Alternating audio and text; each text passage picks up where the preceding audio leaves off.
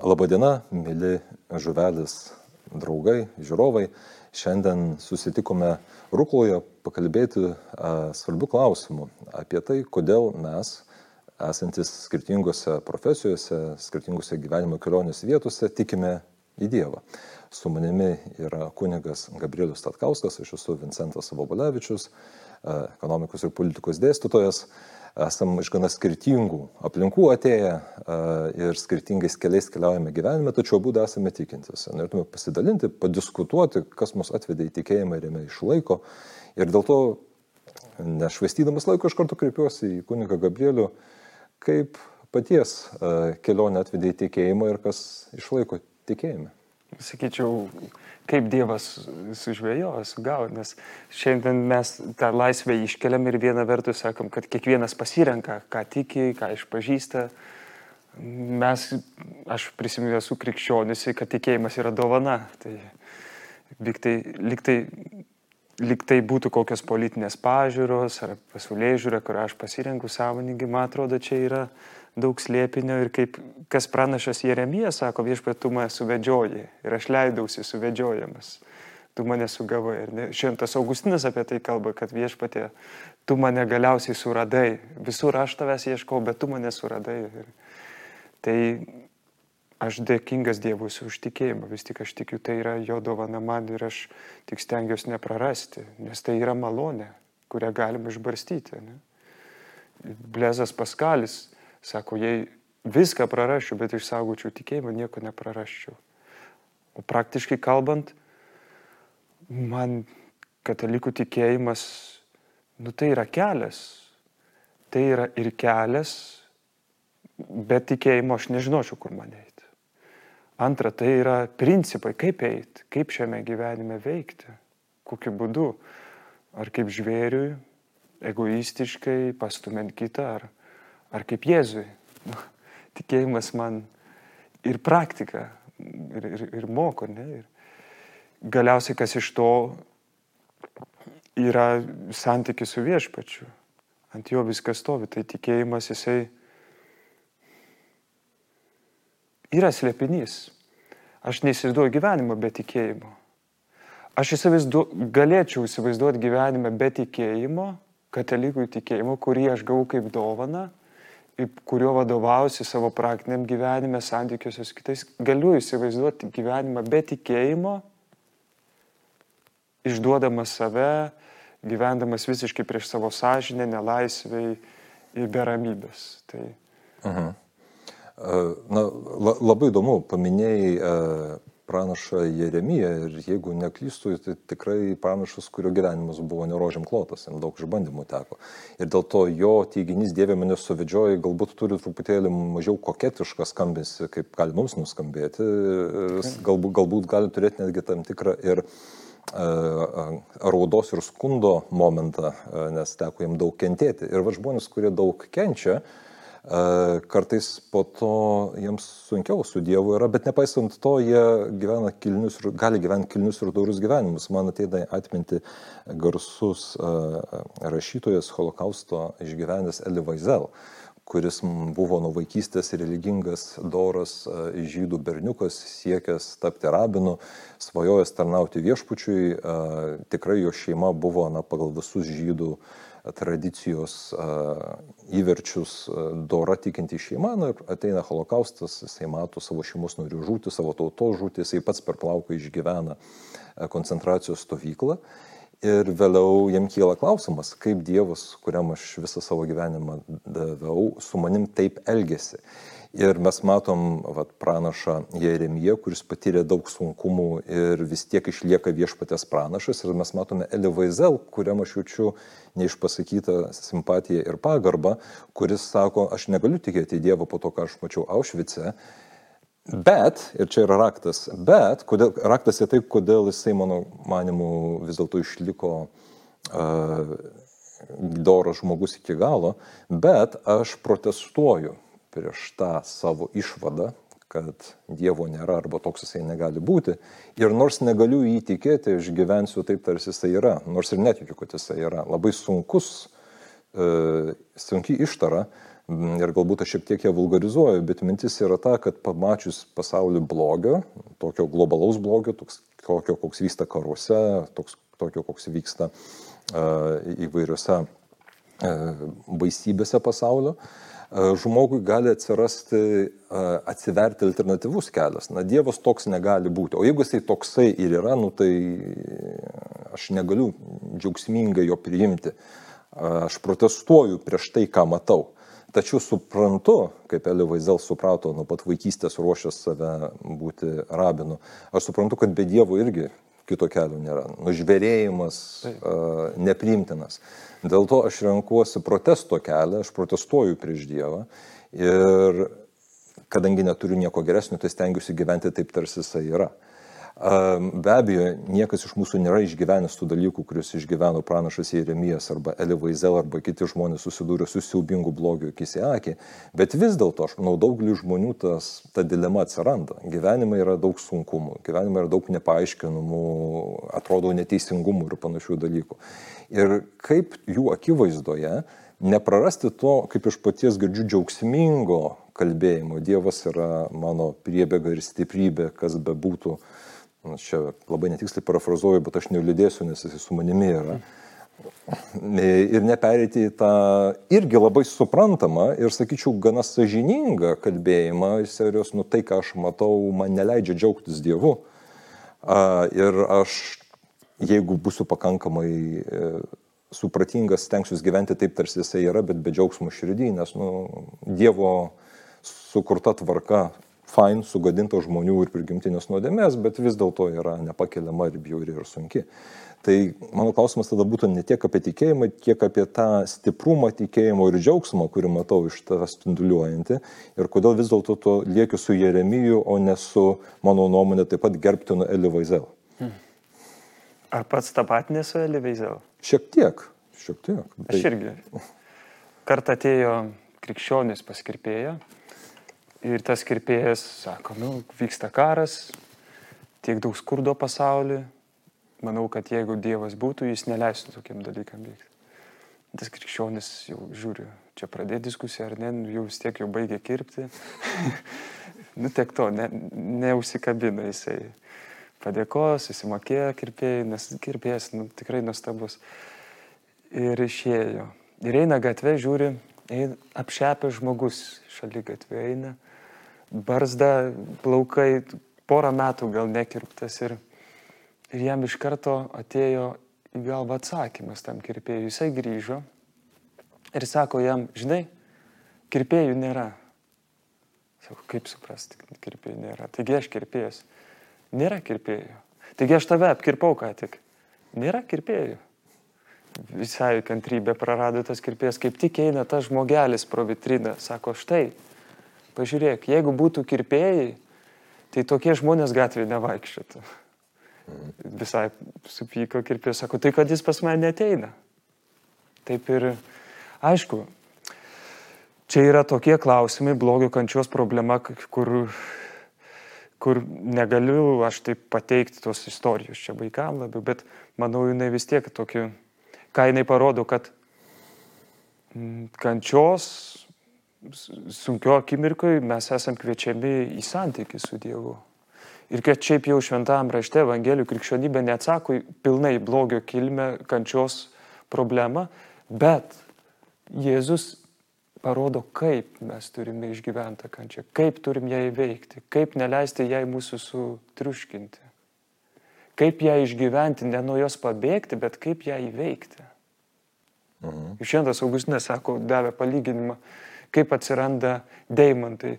Kai šimtmet, milijonus metų karštis ir slėgis, anglis vis e, spaudžia, giliai, giliai po žemę, tamsoj, nuolatinis karštis, nuolatinis slėgis ir taip atsiranda deimantai. Tas kryžius jis gali tapti išganingas, šventinantis. Ir mhm. Jėzus parodo ne kaip pabėgti nuo kryžiaus, bet kaip padaryti, kad jisai taptų mūsų tiltu į dangų, ne į šventumą. Žodžiu, aš čia išsiplėčiu, bet apie vei, kokią pavardė to Elį. Vaizdau. Nepamenu kas, bet yra užfiksuota tas pasakojimas, kai du žmonės vienas kentėjo koncentracijos stovyklų ir matė, kaip nacijai korė berniuką ir kitam žmogus sako, žinai, tu esi tikintis, bet kai aš pamačiau tą vaizdą koncentracijos stovyklai, kaip vaiką nužudė nacijai, aš tada supratau, Dievo nėra. Jeigu jis būtų, jis neleidų, neleistų tam nutikti. Ir sako, tai jeigu tu tiki, tai tu man pasaky, kur tada Dievas buvo, kai nacijai tai darė, sako. Tas žmogus sako, aš tikiu, kad Dievas buvo tas berniukas. A, čia tas Banhoferio, kad kur buvo Jėzus, Jėzus buvo koncentracijos stovyklose. Mm. Viktoras Emilis Franklis, aš sakyčiau, irgi juo verta remtis, ar ne, kad Kristus labiausiai, aš nesu, negaliu to teikti absoliučiai, bet pagal savo patirtį, manau, leidžia išgyventi prasmės klausimą labiausiai. Mhm. Dabar aš bandžiau pradžioj paaiškinti praktiškai, kodėl renkuosi tikėjimą, nes e, tiesiog tai yra kelias, tai būdas, aiškiai gairė, kaip gyventi, gal net tie žodžiai galima atsiremti Jėzus, aš esu kelias, tiesa ir gyvenimas. Mhm, ne, tai, mhm. man tai tiek, tikrai kelias, tiesa ir gyvenimas yra. Ir tai nėra aklas kelias, bet tai yra susažinė, aš tą renkuosi sąžiningai. Taip man nesirinkti šiandien būtų išdavystė savęs, įėjimas prieš sąžinę. Mhm. A, mano tai... tas klausimas galbūt Kodėl? šiek tiek, šiek tiek toks, nu, galbūt emocinis, nes tas loginis argumentas yra aiškus. Nu vis tiek norime ar nenorime susidurėm su blogiu. Ir galim blogio akivaizdoje arba palūšti, arba beprasmiškai staukti. E, sielvartą, arba galime tikėti, kad čia yra tas lėgis ir ugnis ar, ar karštis, kuris padarys deimantą iš mūsų. Bet faktas yra tas, kad tą akimirką kitų deimantų tau toli, tu nežinai, kaip tas deimantas atrodys, tu to deimanto nejauti, tu jauti tik karštį ir ugnį. Tai vad mano galbūt klausimas pačiam, e, nors visiškai suturiu su tavo teoriniu argumentu, kodėl mes tikim, kaip tu pakeli tos akimirkas, kai nejauti e, galbūt nei koks tas deimantas bus, nei kokie jie blizga, jauti tik tai slėgi, karšti. Ir tiki, kad kažkada kažkur kažkaip pavirsi į deimantą, bet tas kažkada kažkur taip toli pastovus maldos gyvenimas, jeigu jo nėra ir nuolat yra pavojus jį prarasti ir kartais, ne kartais, nuolat reikia kovoti dėl to ritmo. Tai tai yra, kas mane neša. Atsakant į visus klausimus, vat, aš prisiminiau psalmės knygą. Psalmių knygą. Ten yra viskas. Ir džiaugsmas, šlovinimas Dievo ir viešpatie. Mano Dieve, mano Dieve, kodėl mane apleidai? Ne, štai visi guli nužudyti priešų laukuose, kunigai išprotėję, tarsi galvą praradę, tavo namai sugriauti, ta prasme, tokių dramatiškų momentų, kur mes tikrai širdį išgyvenam kartais. Ta, tai psalmių knyga, šlovim, meldimasi su Dievu, taip nuoširdžiai, širdies į širdį, o ne iš papročio dėl papročio. tai, tai atstato jėgas, tampa tuo paversmiu, kur viešpats gano, kur atgaivina kur pripilina, pripila tau sklydinę taurę tavo priešų akivaizdoje. Ne, tai, Psalmis yra fantastika. Tai Tiek gali malda. Dalykų. Malda, taip. Bičiuliai. Uh mhm. -huh. Kaip sako šventam rašte, tikras draugas yra didžiausia Dievo dovana. Ir aš tikrai vieną dieną paklausiu, kiek aš turiu tikrų draugų. Šiandien galiu pasakyti, turiu, anksčiau galiu sakyti tris, dabar gal du su pusė. Ir aš esu labai turtingas, tai labai dėkingas, man atrodo, tai yra labai daug. Tai jie yra atrama, kai yra sunku, nes mm, jie irgi Dievo paveiks, Dievo rankose, ne, ir Dievas myli per kitus. Kas dar praktiškai tam karšti, tam sunkume galėtum sakyti tikėjimo naktį, dykumoji, visai tai vardė, ar ne? Kai reikia eiti kryžiaus keliu, bičiuliai, kompanionai, bažnyčia šią uh mhm. -huh. prasme. Uh mhm. -huh. Ta karo lauko ligonė, žinau, aš ten galiu nueiti į punktą, uh -huh. jeigu man blogai, uh -huh. nelikti vienam. Dievo žodis, kartais Dievo žodis paimti skaityti tiesiog. Ir sakramentai. Švenčiausias sakramentas, išpažintis Bet viso to reguliarumas. Aš manau, viena svarbiausių sąlygų ne tada, kai užsinori, kai reikia, bet aš pastovėsiu šalia. Mhm. Aš irgi pastebėjau iš patirties su išpažintim, žinai, yra, yra du modeliai. Vienas modelis, kad tu pajūdinti, kad jį reikia eiti. Bet kitas modelis, kad tu pasidarai tam tikrą ritmą, tų nuodėmių vis tiek atsiranda, žinai. Ir eini. Ir kažkaip tai pastebiu, kad tas vat, ritmų pasidarimas tikėjimui labai daug duoda. Nes tu neleidi savo manyti, kad, ai, aš dar esu pakankamai tyras, nu, va, jau dabar jau įlipau į mėšlą, dabar jau turiu išlipti. Tas irgi yra, nu, kartais įlipi ir supranti, o, blin, reikia eiti dabar. Bet kai neįlipi, tas toks ėjimas reguliariai, kas tam tikrą nusistatytą laiką labai, labai padeda, nes kai išini iš klausyklos, tikrai matai, kad gyvenime įvyksta stebuklai, jeigu tu jų nepleidi, žinai, vat, tam tikros nuodėmės, kurias išpažinai, kuriam laiko atsitraukia, žinai, kuriam laiko gauni to palengvėjimo, žinai, po to pats po truputėlį prie jų artinės idėja dažnai savo, savo pasirinkimais. Bet kol to nedarai, tu jauti labai aiškiai tą tokį Dievo veikimą. Nu, čia su stebuklų lygyje, bet kažkokios priklausomybės, blogi įpročiai, kuriam laikui po išpažinties atsitraukia, tai kodėl nepraktikuoti šito dalyko reguliariau ir negauti šito, šito palaikymo, bet dažnai per tą skubėjimą iškrenta laikas, ai, nu, vėliau. Ir tada jau lauki, to jau, ne kad lauki, bet jau tik tai tais kritiniais atvejais. Pasidaryti, įsikaliau, Aišku, gerai tenais pasikalbėti nuodugniai su kunigu kaip su dvasios tėvu, bet netgi jeigu to neišeina, vis tiek iš. Štai pats kalbėjai apie sakramentus, liudyji, tarsi suprantu irgi, čia sutinki Dievą, dėl to irgi renkiesi tikėjimą. Vieną vėl istoriją prisimint tikrą moteris, kuri išbandė visas religijas, filosofijas, ezoterikas visokias, ieškojo Dievo savo gyvenime, jinai kirpėja buvo irgi kirpyklos. Uh mhm. -huh. Ten rimti pokalbį būna. tai ir jinai pamatė, atėjo klientė ir ant kaklų kryželis. Ir taip jie įdomu pasidarė, jinai paklausė, kur tu sutinki Dievą, kur tu randi Dievą. Ir ta krikščionė taip vienu žodžiu ir sako, sakramentus. Jis iškart nuėjo į bažnyčią, pažiūrėjau, kaip švenčia krikščionė sakramentus. Jis iškart norėjo tapti krikščionė, pasikrikštė, priėmė komuniją, sutvirtinimą ir sakramentuose. Mhm. Čia irgi kartais mums taip įprasta arba taip atrodo, nu turėtų būti stebuklingiau kažkaip čia, kaip žydam, nu kažkaip su ferverkais, ar ne? Tu parodyk mums ženklą, kad tu Dievas, taip ta prasme, kaip Elijas norim, kad veiktų Dievas per pranašus, ar ne? Bet, mm. bet jis, tu viešpati iš tiesų sakramentuose visiškai tikras esi. Čia labiau užduotis, aš norėčiau kuo dažniau tą prisiminti. Nepamiršk, kaip motina Teresė sako, buvo vienuolynė pas tas seseris parašytas Zakristijoje, kunigui tenai. Aukok šias mišes, lyg jos būtų pirmos, lyg būtų paskutinės, lyg būtų vienintelės. Tai kai mes atėjom sakramentų šios, tai iš tiesų gali būti nu, pats tikriausias būdas, kaip esam. Dėl to aš ir renkuosi tikėjimą. Iš pats sakramentas, nieko panašaus nėra jokiose religijose. Tai unikalu yra kad fiziškai priimu tai, kas yra tobula dvasia. Ir kad tai nėra tik šiaip intelektualiai įdomu, romantiška, nes gali toks susidaryti, mhm. bet tai tikra. Mhm. Tai veikia, ką pats sakai po išpažinties. Jauti pokytį. Ir tuo pačiu metu pagalvoju apie komuniją, vis dėlto Jėzaus kūnas, žinai, ir tas toksai ėjimas, ai, nu visi eina, nu liktai nieko blogo nepadariau, nu viešpatė, pagalvoju, nu plintų, pasikvietė Jėzų su tokia nuotaika, žinai, nu, jis aišku tave myli ir tavęs e, nesunaikins, bet tuo pačiu metu, žinai, ir tinkamai ilgėsi, tas toksai, kai supranti, kas yra sakramentas.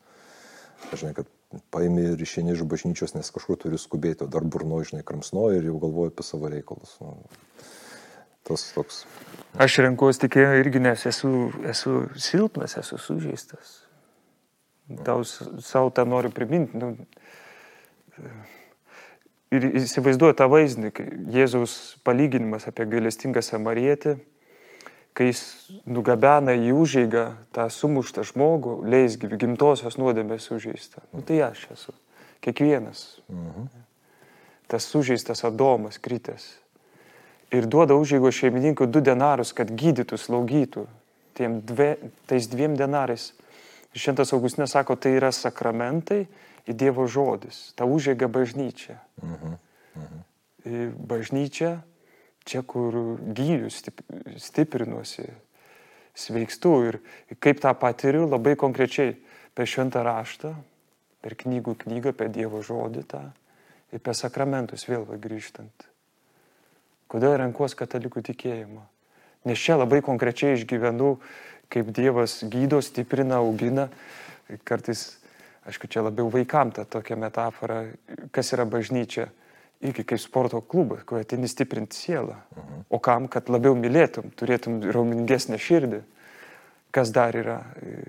Yra kaip ligoninė, kur ateinu, kai viskas sulaužyta, sužeista dėl nuodėmės. Ir čia sutinku Jėzų gydytoje. Į tą labai išgyvenu dažnai. Arba kas yra bažnyčia kaip grožio salonas. Ateinu gražinti sielą. Mhm. Ir, ir išeinu pakilėtą savivertę, nes esu Dievo vaikas, esu mhm. mylimas jo. Ir... Mhm. O ką pats patartum žmogui, kuris e, galbūt dar neturi tiek uh, tikėjimo dovanos, kiek tu dabar, kad pasakoji, ir ateina į bažnyčią ir jisai mato ne grožio saloną, ne sporto centrą, visą tai fainos vietos. Mato karikatūrą. Nu, o mato apskritai nu, kažkokią tokią gražią vėsę vietelę, kur nuobodžiai kalba kunigas, babytis kažką tenais žančius krebina. Nu nieko, nėra, nėra bjauru būti, bet tuo pačiu metu nuobodu darosi. Nusipranti, pakelia tą baltą apvalų plotkelį. Aš prieičiau, prieičiau pakalbėti. Na, ja, bet Einam, ką sakytum? Ja. Nieko, aš šiaip klausiu, kaip gyveni. Uh -huh, uh -huh. Natūraliai kalbėtis. Uh -huh. Nes ačiū Dievui, kad jis ateina, nes bijau, kad daug kas nebeteina, nes yra karikatūrinis vaizdinys apie bažnyčią. Dabartėlės. Viduramžiška, antitamsuoliai. Pinigų. prieš progresą, prieš teisės, prieš mokslą, prieš -huh. viską. Ne, tai. -huh. Tai ačiū Dievui, kad ateina ir valio. Tik nenorėčiau pasirodyti toksai, kuris iškart kažką nori paskiepyti jau.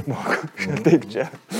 Ne, bet kad pajustų, pasijustų kaip namie, kad jis mhm. žinotų, kad čia visą laukiamas. Uh -huh. Uh -huh. Pasakyčiau, vat, tokiu būdu leisiu sutikti Dievą ir apšilkos tam žmogui, priminti jam, kad čia jo namai yra. Uh -huh. Krikščionis, o sveikas broli. Ja, žinai, man uh, ieškant atsakymą į klausimą, žinai, vat, kodėl Dievas daugiau nepaglosto. E, nu, visi norim, kad sakytų Dievas, oi ten Vincentukai, koks tu fainas, utitiuti. Um, ir tai atrodo, va taip nesako. Tai du, du punktai. Vienas punktas, kad labai dažnai sako, tik tai sako tyliai, pamatydamas kokį saulėlėdį nuostabų, žinai, arba kokį vėjo dvelgsmą. Ar nuostabi patirtis vienose rekolekcijose vienuolė apie Dievo veikimą sako, paimkite po pelsiną ir lietai nusilūpkite ir žiūrėkit, kas vyksta. Žinai. Tu pradedi lietai lūpti apelsiną ir iš jų ima trykšti nepaprasto aromatingumo sulčių lašelį, kurie tau nusėda ant pirštų, nuplauna tau rankas, pakvipina jas, dar tau prieš pradedant netgi valgyti, taip kaip iš lietų žiūri tą grožį besilapmančio apelsino, tau ant pirštų tikškančius lašelius. O vargė Dievas man spa padarė šitam apelsinui. Apelsininis spa, netikėtino grožio. Tai pirmas dalykas, kad Dievas daro dalykus, bet vis tiek norisi daugiau, norisi to tokio žodžių ir panašiai. Ir šitoje vietoje aš imu galvoti, nežinau ar teisus esu, kad Dievas nori, kad tais galutiniais čiuptuvėliais, tais galutiniais plaukeliais, kurie glosto, būtume mes. Dievas duoda labai daug meilės, bet mūsų pareiga ar Dievo, dievo noras mums, kad mes vienas kitam, bet kaip tu sakėjai, atėjus į bažnyčią, kad ten rastų ne kokį aštrų šerį, ne kokį e, švitrinį popierių, o rastų žmogų, kuris išlikdamas tiesoje su tuo kitu kalba meilėje. Ir tada galbūt lengviau netapti nusiminusiu, kad o vargė čia vien tik tai presas, vien tik tai karštis, kaip aš tapsiu tuo deimantu, kurio net nežinau, kaip jis atrodys ir apskritai nežinau, jo noriu tapti apskritai kokį čia išmislą Dievė padarėjai. Jeigu jauti Dievo meilę tuose plaukeliuose, šereliuose, nu aš turiu menį va tokiuose glostančiuose, kurie yra kiti žmonės. Ir glostantis nemelu, bet nu, jie tiki į tiesą, bet tuo pačiu metu su tavimi elgesi kaip su broliu. Va. Ir to žiauriai, žiauriai reikia visur šeimose, bažnyčiose, kad tu atėjęs rastum ne kažkokius sustabarėjusius, turi daryti taip, taip, turi daryti taip, taip, reikia atsiklaupti, kur reikia atsiklaupti, bet pirmiausiai labus brolius. Atsiklaupsi, kai ateis tam laikas. Einam į tą, ar ne? O Vincentai, jūs šeimos tėvas, mhm akademikas esat dėstytojaujat. Taip. taip. Ir kodėl renkatės tikėjimą? Kodėl vienas šventasis, sako Jose Marija, toks, sako, kai kurie krikščionys yra kaip dėstytojas, kuris prieš įžengdamas į auditoriją dėstyti savo tikėjimą kaip skrybelę pasikabina. Jūs taip darote, ar ne? Čia yra klausimas vienas iš man įtaką padariusių e, teologų. E, tėvas Lorenzo Albacete, New York'e gyvenęs, e, yra fizikas pagal įsilavinimą ir sakė, dirbdamas kaip fizikas ir tuo pačiu metu būdamas tikintis, gaudavo daug klausimų, sako, tai kaip čia dabar laboratorija atlieki tyrimus, o sekmadienį eini į kažkokią vietą, kur sako, kad negyvas žmogus prisikėlė. Tai ar tai nėra konflikto? Mano atveju tai atvirkščiai. Kaip tik e, mokslinio metodo taikymas ir šiaip pagarba didelė mokslui kaip tik mane paskatino suprasti, kad tikėjimas man yra absoliučiai būtinas. Nes jeigu vadovausimės moksliniais principais, iš tiesų galėsime išaiškinti daugybę dalykų, kurie dar iki visai neseniai atrodė nepaaiškinami pakankamai racionaliai ir redukuoti juos į materiją. Netgi žmonių jausmus, kilnius norus, altruizmą, tai kad tėvas Maksimilijonas Kolbė sutiko žūti už kitą, galima būtų redukuoti evoliucinius duotus instinktus, kurie tinkamai puoselėjami gali privesti prie vienokio ir kitokio iš mūsų tradicinių pozicijų nepaaiškinamo, bet kilnaus žesto. Taigi viskas žemiška ir viskas materialu. Tačiau jeigu iš tikrųjų, kaip gana įtikinamai diskutuoja ar įrodinėja mokslininkai, iš tikrųjų primam šitą teiginį, tai tada, tai jau jokia paslaptis, Hararis apie tai rašo savo garsioje knygoje, tada nebelieka absoliučiai jokios prasmės, nebelieka gėrio blogo ir blogio, nebelieka prasmingų pasirinkimų. Mes, kaip žmonės, nustojame egzistuoti, čia įdomus klausimas, ar yra Dievas, nesvarbu, klausimas, ar esi tu. E, aš esu. Ne, ar tu esi kaip sprendimus priimantis vienetas, ar tu esi tas, kuris renkasi tarp gėrio ir blogio. Jeigu iš tikrųjų nėra gėrio ir blogio, o mes esame šlapi kompiuteriai, kurie nuo, sakykime, akmenų arba gyvūnų arba medžių skiriamės tik tai laipsnio, bet ne kokybės e, elementų, tai tada nėra gėrio ir blogio, nėra prasmingų pasirinkimo, viskas yra iliuzija. Aš kartais užduodu savo studentams šitą klausimą, kaip gyventi vat, su šituo mąstymu. Tai jie, kadangi yra jauni, sveiki ir naivus, tai jie sako, tai mes sugalvojam savo pačių taisyklės, savo pačių gėrį ir blogį ir pagal tas taisyklės gyvename. Bet realiai, kadangi tu žinai, kad tos taisyklės vis tiek yra nonsensas, kadangi nėra nei gėrio ir nei blogio. Jie tai tada tu, konfliktė su savo sąžinė. Tu tada trumpalaikiai perspektyvoje tenkinėsi savo galios pajutimu. Aš sugalvoju taisyklės ir pagal jas gyvenu, štai koks aš galingas. Bet kai tu supranti, kad tai yra tik tai savi apgaulė ir iliuzija, tada tu neišvengiamai puoli į duobę. Ir aš gyvendamas New York'e į tokią duobę puoliau asmeniniam gyvenimą. Buvo įspūdingas laikotarpis, kada viena vertus labai daug sėmusi žinių, kita vertus buvo iššūkiai, kadangi reikia daug dirbti, daug mokintis, brangios kainos, labai merkantiliniai santykiai tarp žmonių, tarp vyro ir moterų, kiek iš tavęs man naudos, kiek, man iš, kiek tau iš manęs naudos, trade-offais pasižiūrime. Ir detalių nepasakosiu, bet tokioj besisukančioj greitoj aplinkoj, kur daug kas blizga, bet iš tiesų jautiesi nepaprastai vienišas, nu, vietomis pasidarė tikrai sunku gyventi. E, fantastinis dalykas, žinai, čia vat stebuklas, tikrai to žodžio prasme. A, prieš išvykstant į New Yorką grįžau atostogų į Lietuvą iš kitos Amerikos vietos, kur tuomet gyvenau ir čia pat Kaune viename vienuolynė sutikau vieną merginą, italę, Kiarą, kuri atvyko į Lietuvą tyrinėti Lietuvos istorijos. Jis buvo istorikė, išmoko lietuvių kalbą, katalikė praktikuojanti. Pabendravom, išgirdau jos tyrimų temą, sakau, klausyk, tu reikia stoti doktorantūrą geram Amerikos universitete, nes labai fainas temas tyrinėja, net tyrinėjo lietuvių žydų santykius. Ir jinai paklausė mano patarimo, stojo ir įstojo į New Yorką, į Kolumbijos universitetą. Ir kaip tik atvyko į New Yorką ant tos mano giliausios dobės, tokios prasmės, E, nebuvimo išbandymo, žinai, nu, studijuoju visą evoliuciją žaidimų teoriją, labai įdomus dalykas, bet realiai visi ten tie šilti žmonių santykiai, altruizmai galima parodyti, kad tai yra tik tai išvestiniai elgesiai iš biologijos ir iš socialinio kondicionavimo, ar ne? Bendrauju su žmonėmis ir visur matai merkantilinį, aš tau duosiu, jeigu tu man duosi. Toks behaviorizmas. Uh, nu, viską... Taip, o vietomis tiesiog netgi ir tam tikri, žinai, genų įdėkti instinktai. Ir daugiau nieko, visame tame murgdaisi ir po truputėlį ir paties įsitikinimai, kurių dar nebuvo įsisamonę, nes tik tai jautėjai iš tėvų, žinai, su motinos pieno gautas tikėjimas įma kažkur šlyti ir skysti, žinai. Ne tai, kad priimi kitus įsitikinimus, bet tiesiog matai, kad visur tuštuma ir baisuma kažkokia. Nu, atvyksta ta kera, nu, būdama gera katalikė susiranda iš karto bendruomenę, bendruomenės svarba prie Kolumbijos universiteto, ironiškai iš Lenkijos, tai mūsų kaiminystės atvykę broliai Domininkonai, nuostabes daro adoracijas, šlovinimus, bet šlovinimai tokie, tokie gero lygio, be rankumo, be visokių maivimuose, tokie pagarbus. Ir tada pica, žinai. Ir keras sako, ateik, o aš toks dar iš tarybinės katalikybės, na, aš vienišas vilkas, aš tikiu, einu sekmadienis į bažnyčią, hrien man ten tų charizmatikų, schizmatikų bendruomenės. Nu, bet įkalbėjo, nes labai sunku buvo. Atėjau, žinai, švenčiausiasis, jauni žmonės gražus, gražius merginos, faini vaikinai, nieks tarpusavėje neprekiauja savo kūno. Aš turiu omenyje ne priekybą tą pačią blogąją prasme, bet nieks nebando žiūrėti, vat, kur čia su kuo išeiti kavos, kad po to vėliau kažką tai, o tiesiog melžiasi, žinai, bendrauja atvirai, nu, atviri veidai, žinai. Ir svarbiausia švenčiausias sakramentas tyloje, žinai. Būni ir taip jauti, kad tos baimės, tie mėšlai, tie visi akmenys nuo tavęs krenta. Išiniai gatvę, vėl suspaudžia. Žinai, ir taip tokia kova pradeda vykti. Tada sakai, dar nenoriu eiti į gatvę, einam picos, žinai, einam hebra picos, žinai, pabūkim daugiau kartu, žinai. Ir tada po truputėlį, taip žingsnis po žingsnis, žingsnio per tą adoraciją, jauti, kad kokybiškai kitaip esi, negu vien tik tam pasaulyje, tose ritmuose pasaulio gyventamas. Ir tada galiausiai priimi sprendimą, tokį radikalų sprendimą. Fine, visi tie mechanizmai, kuriuos aprašo evoliucinė teorija, evoliucinė žaidimų teorija, jie puikiausiai gali veikti. Bet aš pasirinku tikėti, kad už viso to, už visų tų mechanizmų yra kuriejas, kuris mane myli. Ir aš tai pasirinku daryti dėl to, kad jeigu aš to nedaryčiau, tai tada nu, nelieka prasmės, nelieka nieko, nelieka netgi jėgų stengtis, nes realiai tu stengiasi tik tai dėl iliuzijos.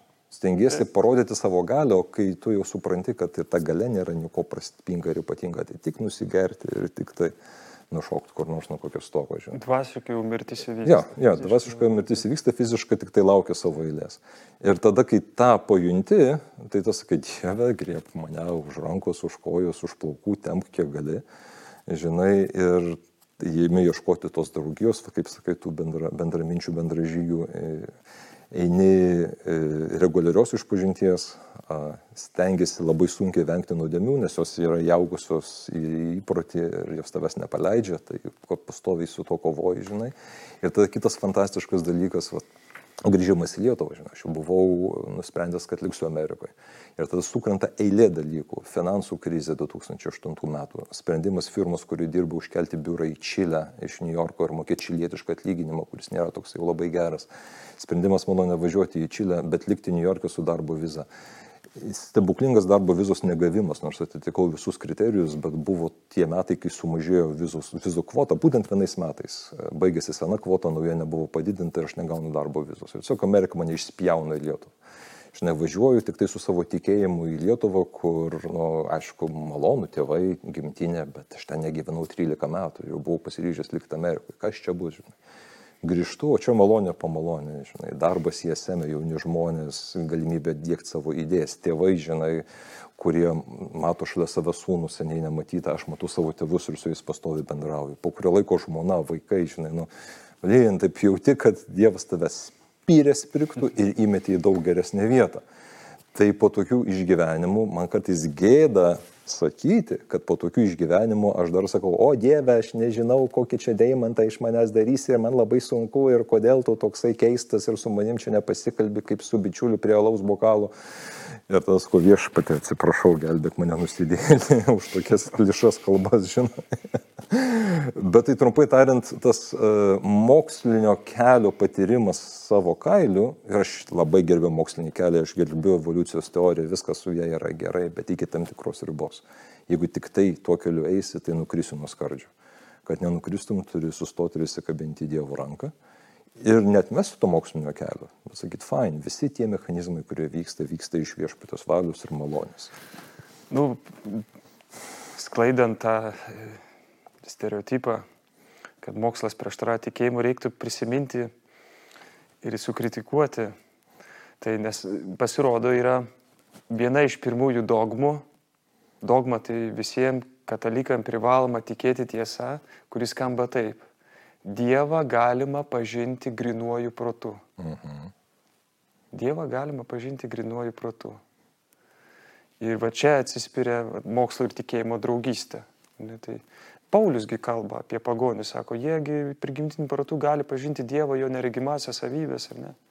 Aišku, iki ribos, labai tokios ribos. Švenčiausiai trybė, protai grinai neatsis, neatsiskleidžia, bet man atrodo, vat, gražiai liūdį mokslas, tikėjimas, gal truputį ta negatyvi mokslo patirtis, nes ten žiūrint kokia šaka. Tas be, Aš ne mokslas be tikėjimo, bet kokia šaka tave nuves ne tuo keliu. Bet su tikėjimu jie puikiai dera nekyla konfliktų. Yra Bet nuostabus. gerai, su bet kokiu tikėjimu, kodėl katalikų tikėjimas, kodėl tada, pavyzdžiui, ne koksai budizmas, juk irgi tikėjimas, Jo. netoks e, radikalus, gal kaip tik labiau tolerantiškas, visus jungiantis, labiau vienijantis. Ai, dėl tolerancijos aš net nežinau, ar tai yra stipri korta. Nes viena vertus patogu, šiais laikais tolerancija yra ant bangos, bet iš kitos pusės, žinai, jeigu tu renkiesi tikėti, tai tam tikras nepatogumas, tam tikra kaina, kurią tu moki, nėra blogas dalykas. Bet aš ne apie tai, žinai, kodėl krikščionybė būtent tai pirmiausia dėl tokio santykių su Dievu, kokie krikščionybė siūlo. Pirma, kodėl krikščionybė, žinai, kad vis dėlto tai nėra merkantilinis santykis. Tai nėra tu kažką tai atlikai ir už tai gausi. Pagonybė Tu taip įsimeldė ir už tai gausi. Arba tu ten dorai gyvenai, pakilsi aukštesnį lygį. Tai nėra quid pro quo. Uh, tai yra Dievas, kuris tave myli, tai yra asmo, kuris tave myli. Ir jeigu tu jau tiki, jeigu tu jau tiki, nu, tai tu tikėk į tai, kas yra faina. Tai kas yra fainiau tikėti? Ar kad kažkas tai tave myli, ar kad yra kažkokios taisyklės, pagal kurias eidamas tu patirsi truputėlį geresnį kažkokį išgyvenimą. Nu, tai jeigu rinkėsi, tai rinkis kas faina, jeigu esi laisvas rinktis. Kodėl krikščionybėje, būtent kad krikščionybė yra santykio su mylinčiu Dievu religija, o kodėl katalikybė, tai pirmiausia dėl sakramentų. Nes jeigu tu, žinai, paimi Dievą ir jį įspraudai į savo supratimo rėmus, nu, duona per mišes gerai, bet čia tik tai bendrybė ženklas, žinai. Nu, čia Ortodoksai irgi turi.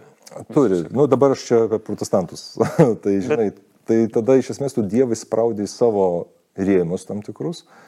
Ir katalikybės pasiūlymas, kad čia su tavim tikrai yra Jėzus, išplečia tavo, pastovi tau primena, kad Dievas yra ne tavo įsivaizdavimų vaisius, tu jo nesukūrei, tu jį priėmi, kad ir koks tau nesuprantamas jisai yra. Ir ta, tas man yra labai svarbu, nes, kaip rodo evoliucijos teorijos įvairios, daugybė mūsų įsivaizduojamų dalykų tiesiog mūsų pačių galvose yra sukurta. Tai jeigu aš jau tikiu, tai aš tenksiuosi tikėti tai, kas nėra sukurta mano galvoje ir ką yra gal tam tikrą prasme sunku priimti, kaip vat, sakramentą ir Dievo tikrą buvimą komunijoje. Um, dėl ortodoksų aš neturiu tokios stiprios opinijos, bet klausyk, jeigu tu augai Lietuvoje ir esi lietuvis, nieko prieš brolius rusus neturiu, bet jeigu tu augai Lietuvoje ir esi lietuvis, tai tu nebūsi pravoslavas, taškas, točka. tai aš niekada tai neturėjau to pasirinkimo, tokio net, net apsvarstęs, žinai. Nors Amerikoje pažinojau žmonių, kurie nusivylę tam tikrom liberaliom tendencijom, vat, kurių krikščionybė perėjo į ortodoksiją ir dabar prašom karo su Yra ta tokia tendencija. Yra. Bet dabar karas bet- Ukrainoje ir jie suko uodegas ir sako, nu žinot, mes perėmėm Konstantinopolio patriarchatą, bet vis tiek, nu, nepatogiai ten jaučiasi dabar. E, Dėl ortodoksijos aš tiesiog, nu žinai, vat, kaip lietuvis net, net, net nesvarščiau šitoje vietoje, bet nu, tai rodo mano siaurą pasirinkimą. Katalikybė pasirodo pirma religija pasaulyje, kur pripažįsta evoliuciją. Mhm. Ne evoliucionizmą, Taip, taip. ne kreacionizmą, Ne bet evoliuciją. Tai ką Darvinas irgi teigia, katalikas. Ne? Su dviem sąlygom. Mhm. E, Ką pats minėjai, kad jeigu Dievas pirmą gyvą lastelę sukūrė, o ne jinai, o ne jinai savaime kažkaip atsirado ten. Ir jeigu fiziškai žmogus tiek išsivystė evoliucijos dėka, neaišku, iš kokių organizmų, nes čia irgi yra mitas, sako, žmogus iš beždžionių, netiesa. Beždžionių ir žmogaus protėvis tas pats yra. Tai, kad teigia darbinis, bet kas toks neaišku. Tai žodžiu, Dievas įkvėpia nemirtingą sielą į tą kūną išsivyščiusi ir tada atsirado žmogus su protu, su laisva valia. Tai dvi sąlygos, ar ne? Tai bažnyčia sako, jeigu mes jas priimam, kas nebuvo problema darbinių, tai, tai tada mokslas, tas evoliucijos su katalikų tikėjimu randa dermę, nėra konflikto. Taip. Nu, mano atveju tai netgi padėjo sustiprinti tikėjimą stipriai. Nes be tikėjimo evoliucija nuveda į beprasmybę ir nihilizmą. Einšteinas, kuo labiau gilinuosi mokslo, tuo labiau pažįstu Dievą. Uh -huh. Jo žodžiai. Žinai, mes, žinau, mes turim už tos garsius mokslininkus daug pasimelsti, nes mes labai norim, kad jie būtų, mm, žinai, mūsų bendražygiai, tai dažnai išgirstam, kad ten Einšteinas apie Dievą daug kalbėjo. Realiai tai ten tie jų santykiai su Dievu buvo problematiški. Nu, bet, bet nu, gyvenimo nu, gale kienoje nėra, kienoje nėra problematiški. Tai, kodėl renkuosi tikėjimą? Man ir labai svarbu tie argumentai. Pradžioje aš labiau sakiau praktiškai, kai ką aš gyvenu sąžinė, mhm. iš tokio dvasinio gyvenimo, bet labai svarbu ir kad nu, būtų protinga. Tas tikėjimas turi būti protingai pagrystas. Mhm. Mhm. Ta prasme, ats nebijantis atsakinėti klausimus, išgirsti, išgirsti tuos klausimus. Tai jaučiu, kad katalikų tikėjimas jisai į protą jungia ir priima kaip Dievo dovana, nepaniekina į tą visą istoriją bažnyčios ir mokslo, pirmieji universitetai, mhm. kur kilo prie katedrų. Va, va, va, žinai, man dar vienas punktas atrodo svarbus, nes mes kalbėjom, kad, nu, vadžinai, tu rinkėsi tikėjimą, kad būtų kažkiek tai logiškai nusikli istorija, tuo pačiu metu, kad tai nebūtų grinai padiktuota tavo e, patogumo jausmo, nu, va, aš tikiu į tai, kas man patogu, viskas tvarkoja. Bet galima surasti kokį nors išprotėjusių tikėjimo, kuris postuluoja keistus dalykus ir pasirašyti ant to tikėjimo, bet vienas dalykas, kas neleis to padaryti, tai yra tai, kad jisai nėra tvarus ir jisai neduoda vaisių. Tai dar labai svarbus dalykas yra. Žinai, tai aš renkuosi krikščionybę dėl to, kad yra, nu, visų pirma, renkuosi religiją, dėl to, kad be jos nieko nėra. Kai renkuosi religiją, renkuosi krikščionybę, nes yra santykis su Jėzumi. Kai renkuosi krikščionybę, renkuosi sakramentus, nes tai pastoviai plečia mano supratimą apie tikėjimą, nesuprimą, bet primena man, kad Jėzus ir sakramentai nėra mano kažkokie išgalvoti dalykai. Fine. Bet jeigu visa tai būtų nesąmonė, tai mes neturėtume tokio nuostabaus paveldo, kultūrinio, meninio, mokslinio, taip, e, taip. kuris stovi. Vakarų civilizacija. Ir tai nebūtų taip uh, tinkama gyvybei ir klėstėjimui. Uh, buvo ekscesų, buvo iškraipimų, bet pagrindinė linija, žinai, krikščionybė ir jos simbiotinis ryšys su mokslu, krikščionybė, katalikybė ir indėlis į meną, krikščionybė ir jos indėlis į šeimos gyvenimą. Jeigu kalbėsime apie krikščionybę ne kaip priemonę savo galiai primesti, o kaip Jėzus moko dalintis ir aukotis vieni dėl kitų. Tai šitie dalykai keisti ir beprotiški, nu, va, žinai, negyvas žmogus prisikėlė, donos gabalėlė yra Dievas, keisti ir neprotiški dalykai duoda tokius vaisius. Galų galia šventas raštas pilnas tarpusavo prieštaravimų ir jeigu būtum gudrus, uh, šventikas norėjęs sukurti religiją, tikrai nerašytum švento rašto taip, kaip jisai parašytas. Parašytum gudriau, kad būtų nusaikiau viskas. Nu, prieštaravimas ant prieštaravimo. Ir dienos pabaigoje iš jo išaugo tokia kultūra ir civilizacija. Pirmieji kankiniai, nu, blin, liūtam šeria, žinai, žmonės, o jie sako, valio, toj busim su Jėzumi. Nu, tai ar jie buvo visi durniai, ar jie sutraukdo vien tik tai manijakus, suicidus, Nu, atrodo, ne, kadangi plėtėsi ir plėtėsi sparčiai, tai plėtėsi ir tarp e, pačių įvairiausių žmonių ir dienos galėjo paliudijo savo krauju, žinai, šimtai ir tūkstančiai žmonių. Nu, visos tos istorijos, to keisto tikėjimo, kuris po to duoda gyvybę, kuris duoda kankinius, kuris duoda mokslo, kuris mokslo pagrindą, kuris duoda kultūros proveržį, kuris duoda šeimos gyvenimo pagrindą. Nu, va tai mane užtikrina, kad aš geroje vietoje esu.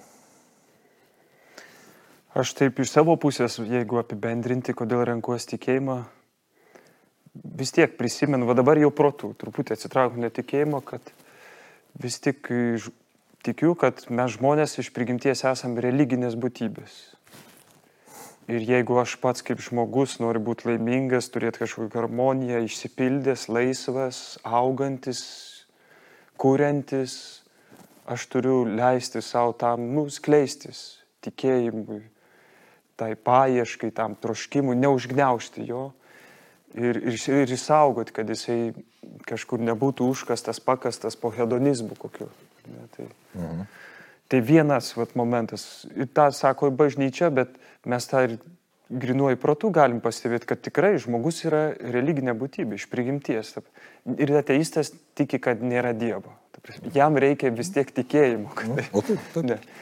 Tai, o antra, Tai aš vėl grįžčiau prie tos minties, kur pradžioje minėjau. Tikėjimas yra malonė, yra dovana ir vis tik ne aš renkuosi tikėjimą. Aš atsiduodu Dievui, leidžiuosi suvedžiojamas. Aš leidžiu jam pasirinkti mane. Nu, vėl ir netinka tas leidžiu, aš, žodžiu, nemaištauju. Nors ne, praktiniam gyvenimui maištauju. Mes visi maištininkai prieš Dievą. Nuo pat pradžios norim būti kaip Dievas.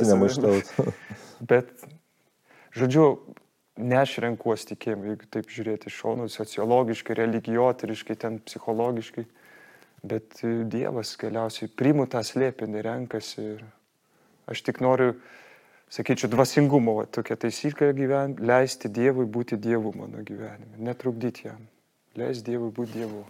Mhm. Ir man patinka katalikybė, nes iš vis čia galima apie tai kalbėti. Ne apie mano pasim, mano iniciatyvą, ne apie mane, bet apie jį, kuris yra virš visako, kuris yra meilė, kur yra irgi virš visko. Amen. Ir tą konkrečiai galime mes slėpiningai išgyventi, prisiliesti. Ne?